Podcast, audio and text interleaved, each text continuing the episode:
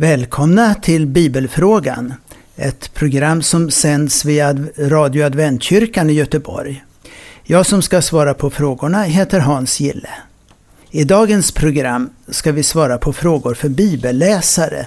Visst är det spännande att läsa Bibeln och varje gång inse hur mycket man ändå missat bara sen sist man läste samma sak. Men eh, här är frågan. Hej! Jag har läst i Lukas evangelium, tionde kapitlet, och har ett par frågor. Den första frågan är redan i första versen. Hittar man någon orsak till att Jesus sänder ut just 72 personer till att sprida Guds rike? Han hade ju redan sänt ut de tolv lärjungarna och tolvtalet finns ju i olika sammanhang med tanke på Israels tolv stammar. Jag tror att talet 70 också finns, men var? Men här är det ju 72. Ja, först av allt, det står faktiskt lite olika i olika översättningar. Den gamla översättningen före 1917 års översättning har antalet 70 personer. Och det här det beror på att det finns olika bibelhandskrifter och de varierar på just den här punkten. 70 eller 72. Håller vi oss till talet 70 så finner vi det i Gamla Testamentets fjärde Mosebok 11 och 16 och framåt. Det är berättelsen om hur Mose tar ut 70 ledare och äldste som får i uppdrag att hjälpa Mose när det gäller att döma i olika frågor och tvister som folket hade. Långt tidigare, i Första Mosebok 10, räknas det upp en massa olika stammar och folk på Noas tid. Och det ska visst också bli 70 tillsammans. Jag har faktiskt inte kollat. På Jesu tid var Sanhedrin, också kallat Stora rådet, 70 personer eller snarare 71.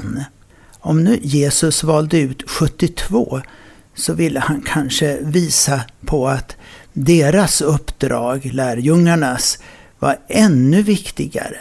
Men det viktiga är ju just deras uppgift. Lukas 10.1 Därför utsåg Herren ytterligare 72 och sände dem före sig, två och två till varje stad och plats dit han själv ämnade sig. De skulle alltså förbereda vägen för Jesus. Och i vers 8 och när ni kommer till en stad där man tar emot er, ät då det som sätts fram. Bota de sjuka som finns där och säg till folket, Guds rike är snart hos er. Men har ni kommit till en stad där man inte tar emot er, gå då ut på gatorna och säg, till och med dammet som har fastnat på våra fötter här i staden stryker vi av. Behåll det. Men så mycket ska ni veta, Guds rike är snart här. De 70 som Mose utsåg, de hade ju en domaruppgift. Stora rådet hade också en dömande uppgift. Och de 70 som Jesus sände hade ju också på sitt sätt en dömande uppgift. I Johannes 9.39 så säger Jesus Till en dom har jag kommit och redan i Johannes 3 och 19 har han förklarat för oss att domen, ja, den ligger i att ta emot honom eller förkasta honom. Det står, och detta är domen, att när ljuset kom in i världen, då älskade människorna mörkret mer än ljuset. Med andra ord, att konfronteras med Jesus är fortfarande ett vägval. Den andra frågan och nu från vers 4 får vi ta upp nästa gång då svaret inte fick plats den här gången. Programtiden är ju begränsad på sekunderna. Det blir säkert bättre i himlen och sedan på den nya jorden när vi har evigheten att ta till. Fast vi har säkert mycket annat att göra där också. Jag tror inte Gud gör oss helt sysslolösa. För eh, så är vi ju inte skapade. Och så var det ju inte ens i Edens lustgård. Nu till nästa fråga. I verserna 13 och 14 nämner Jesus städerna Tyros och Sidon. Fanns de två städerna på Jesu tid? Gamla testamentet profeterade ju om att de skulle fördärvas. Hade inte det skett ännu? Ja, profeten Hesekiel som levde på 500-talet före Kristus, han fördömer speciellt Tyros högmod och självtillräcklighet. Han förutsade att staden skulle förstöras i Hesekiel 26, 3-5. Därför säger Herren Gud, ska jag göra upp med dig Tyros. Jag ska låta många folk välla in över dig, liksom havet väller fram med sina vågor. De ska förstöra Tyros murar och riva ner dess torn. Jag ska sopa bort jorden och göra staden till en naken klippa. Den blir en torkplats för nät ute i havet. Jag har talat, säger Herren Gud.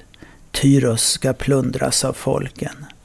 Ja, detta började redan när babylonierna intog staden. Den belägrades, sägs det, i hela 13 år. Det är tydligen osäkert när den nu intogs. Så småningom byggdes staden upp igen, den här gången på en ö utanför kusten.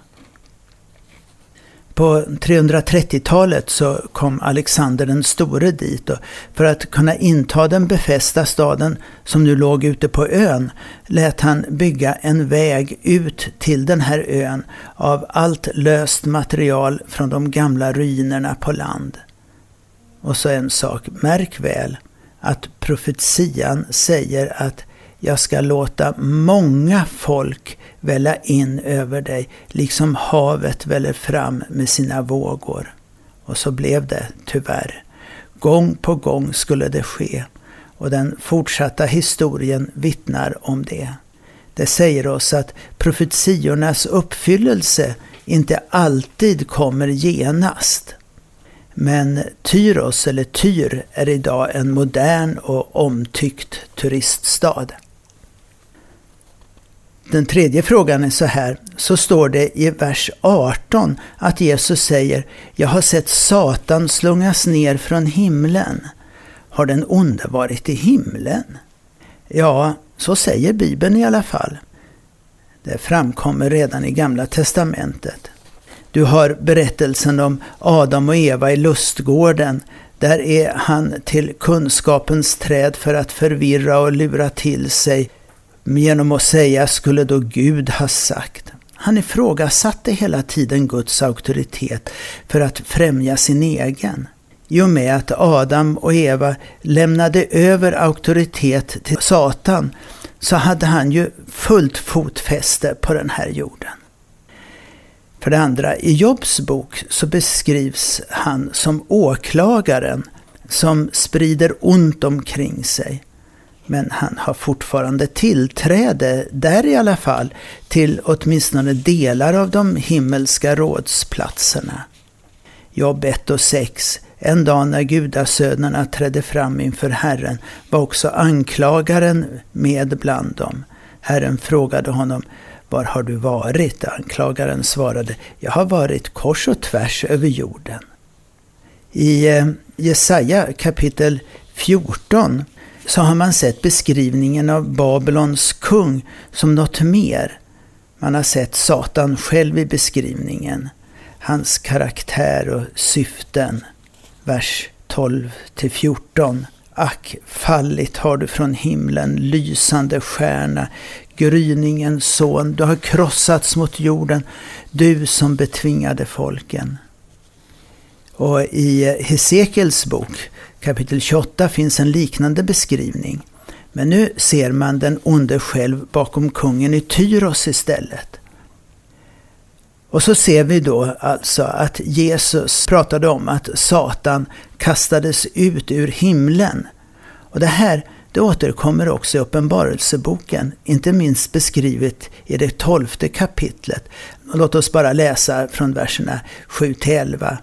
Här har du det hela faktiskt i ett nötskal.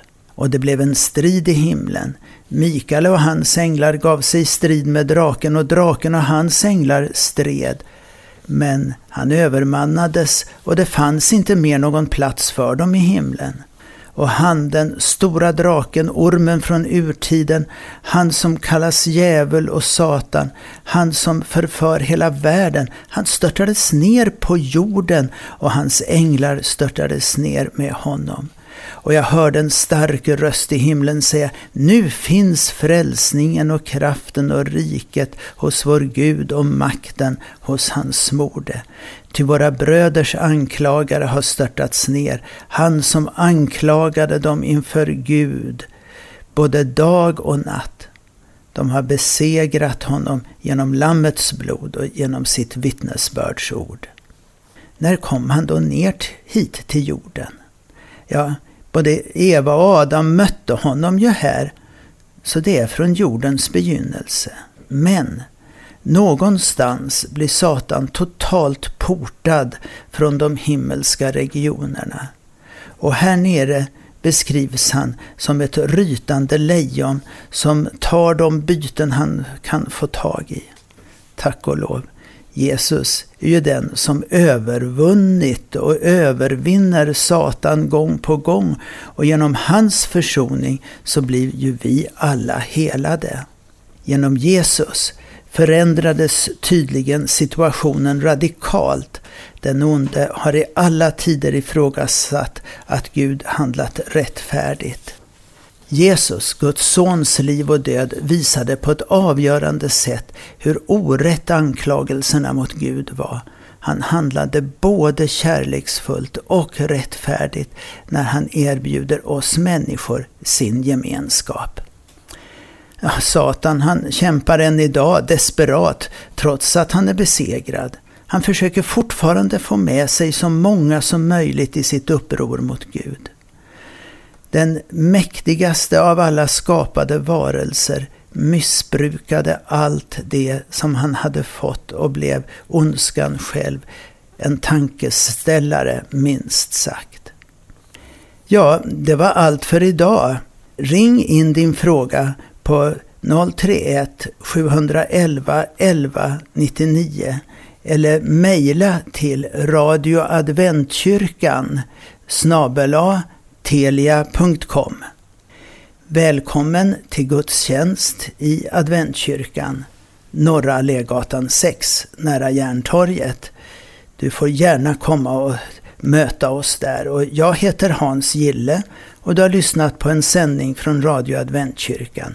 Gud välsigne dig när du läser Guds ord.